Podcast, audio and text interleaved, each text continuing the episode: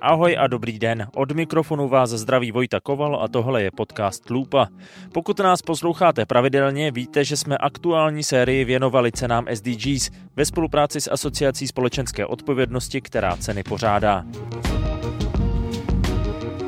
13. října v budově Národního muzea asociace oznámila vítěze letošních cen SDGs v celkem sedmi kategoriích a my se teď o ně s vámi podělíme v krátkých medailoncích, které už teď všechny najdete na webu podcastloopa.cz nebo ve vaší oblíbené podcastové aplikaci.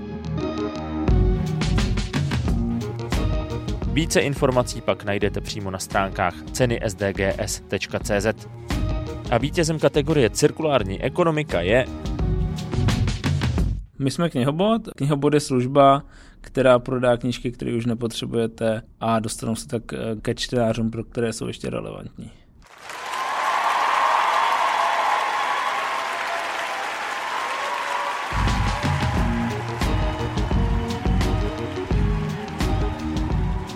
Já jsem právě začínal tak, že jsem několik let uh, antikvariát provozoval osobně. Pak mi došlo, že ty kapacity těch antikvariátů vůbec neodpovídají tomu množství knížek, který se takhle uh, do oběhu vrací. Dominik Gazdoš, zakladatel knihobotu. Knihobot podle něj není online verze antikvariátů, které vykupují knihy ve velkém, například z pozůstalostí tato služba vám umožní jednou za čas se zbavit klidně jednotlivých knížek v momentě, kdy se rozhodnete, že už se k ním nebudete vracet. Třeba z našeho pohledu ani není jako nutné, aby člověk takhle jako vlastně se choval, že všechny knížky, které k němu jako přichází, tak aby se snažil se jako prodat, ale jde tam spíš o to, že fakt člověk jako nakoupí spoustu věcí třeba impulzivně, nebo je dostane jako dárek a po dvou letech už ví, že se k té knižce nebude vracet. A v ten moment je jako zbytečný, aby ona teďka někde jako čekla 30 let, v horším případě třeba ve sklepě, kde se ještě jako blbým skladováním vlastně jako poškodí. Ty knížky nejsou v konstantní teplotě, to znamená, že se jako vytvářet uh, plíseň a ty knížky uh, vlastně smrdí a už to nejde jakoby zpětně uh, vyřešit. Jo. Vlastně ten moment pro mě jako třeba dát knihy uh, do krabice, do sklepa, tak je úplně to samé, kdybyste jako vyhodili do popelnice. Místo toho knihobot nabízí možnost poslat nebo přinést knihy k ním na pobočku, tam někdo z týmu knihobotu zkontroluje a pokud je v dobrém stavu, nafotí ji a vystaví na e-shopu. Neprodejné knížky pak od knihobotu zdarma odebírají různé charitativní organizace a podobně. Moje vlastní zkušenost je taková, že jsem na knihobotu našel knihy z fantasy série, kterou jsem už léta chtěl dočíst. Kolo času od Roberta Jordana rozhodně doporučuju. Dotisky nových knížek už u tohoto titulu nejsou tak časté, takže se knihy hůř schánějí, takže jsem měl radost, že jsem tam našel v podstatě všechny díly, které mi zatím chyběly a zároveň jsem mohl umožnit těmto knížkám druhý život. Ono třeba i z našeho pohledu nedává moc smysl, když prostě před deseti lety vyšly kvanta nějaké jako knížky a ona se, dejme tomu, jako nějakým způsobem dobře prodává. Spousta lidí má jako v knihovnách a už jako ne, vlastně se k ní vracet nebude a teď se jako udělá dotisk téhle té knížky. To my vidíme jako v našem podnikání jako dnes a denně, že se stále dělají jako dotisky věcí, které zároveň jsou jako velmi hojně na tom trhu jako přítomný z té druhé ruky. A to je podle mě jako vlastně úplně jako zbytečná věc.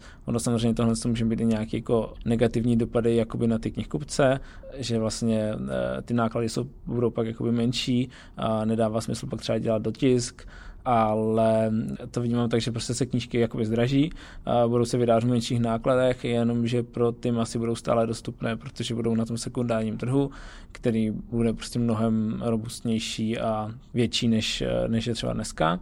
A zároveň to pak třeba i pokrývá tu, tu věc, že třeba spousta knížek se dejme tomu i nějak jako dobře, třeba dobře prodala, vyprodala se, ale zase ten zájem nebyl až tak velký, aby se jako ten dotisk udělal.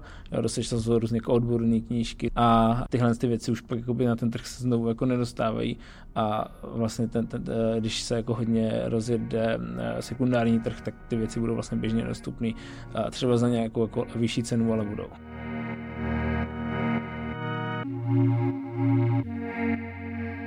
Já myslím, že projekt nebo vůbec společnost Knihobot je takovým reprezentativním příkladem toho, že cirkulární ekonomika nám všem není nic úplně vzdáleného nebo něco, co by nebylo uchopitelné, po čem bychom si nedokázali nic představit. Laura Mitroliosová, zakladatelka Cira Advisory, poradenské společnosti v oblasti udržitelnosti a cirkulární ekonomiky a taky členka poroty cen SDGs v kategorii cirkulární ekonomika. Často říkáme, že cirkulární ekonomika je v podstatě navracení se zpátky k tomu, co už eh, všichni známe, co všichni víme, je to, je to selský rozum. A u knihobotu vidíme, že i mladí lidi se dokážou eh, s tou vervou a s tou jejich iniciativou eh, udělat něco pro tuhle planetu, vrátit eh, zpátky ke starým principům a zhodnotit je v rámci svých nových business modelů, dát tomu nové kouzlo, dát tomu nový život, dát tomu nějaký progres, který potom ve výsledku je uchopitelný i pro tu eh, mladou generaci a vlastně uh, oni se nezaměřují, knihobot se nezaměřuje jenom na mladé, ale vlastně jejich cílová skupina je, je široká veřejnost. To na nich určitě musím vypíchnout. Dělají z cirkulární ekonomiky něco naprosto uchopitelného. Je vidět, uh, že se to dá aplikovat v podstatě na čemkoliv, nějaké navracení zpátky do oběhu. Eh, to, co určitě musím také vypíchnout, že my v rámci těch projektů jsme také hodnotili dopad toho projektu a u knihobotu ty čísla jsou naprosto jasná. Eh, je tam tendence růstu úplně neuvěřitelného meziročního. Eh, zároveň ty poskytované služby, ten zákaznický servis, který oni poskytují, je, je taky velmi kvalitní. Není to jenom něco na oko nebo něco, co by bylo úplně nedomyšlené, ale je to opravdu dotažené do největších detailů. Je to zákaznická zkušenost přímo na jejich výdejnách, eh, nechá, vám to, nechá to ve vás nějakou emoci. A zároveň jsme hodnotili i eh, jejich škálovatelnost do budoucna.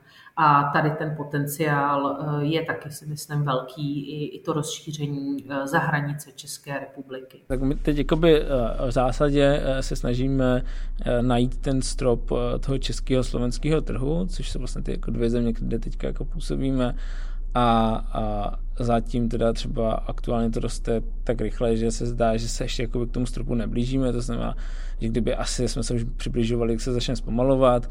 A, a teď je prostě otázka, kolik je jakoby v poměrově vůči tomu třeba trhu nových knížek, tak jako jako 10%, 20%. Ten náš jako run rate, což je jakoby obrat, když, eh, když si vezmu, kdyby to šlo teďka už jakoby, kdyby jsme se zastavili, přestali jsme růst, takže už je to nějakých jako třeba 2,5% z toho, z toho knižního trhu a pokud je to 10, tak e, ta realita tak nás třeba ještě čeká prostě jako nějaký ze čtyřnásobení tady, což je pořád jako hodně práce.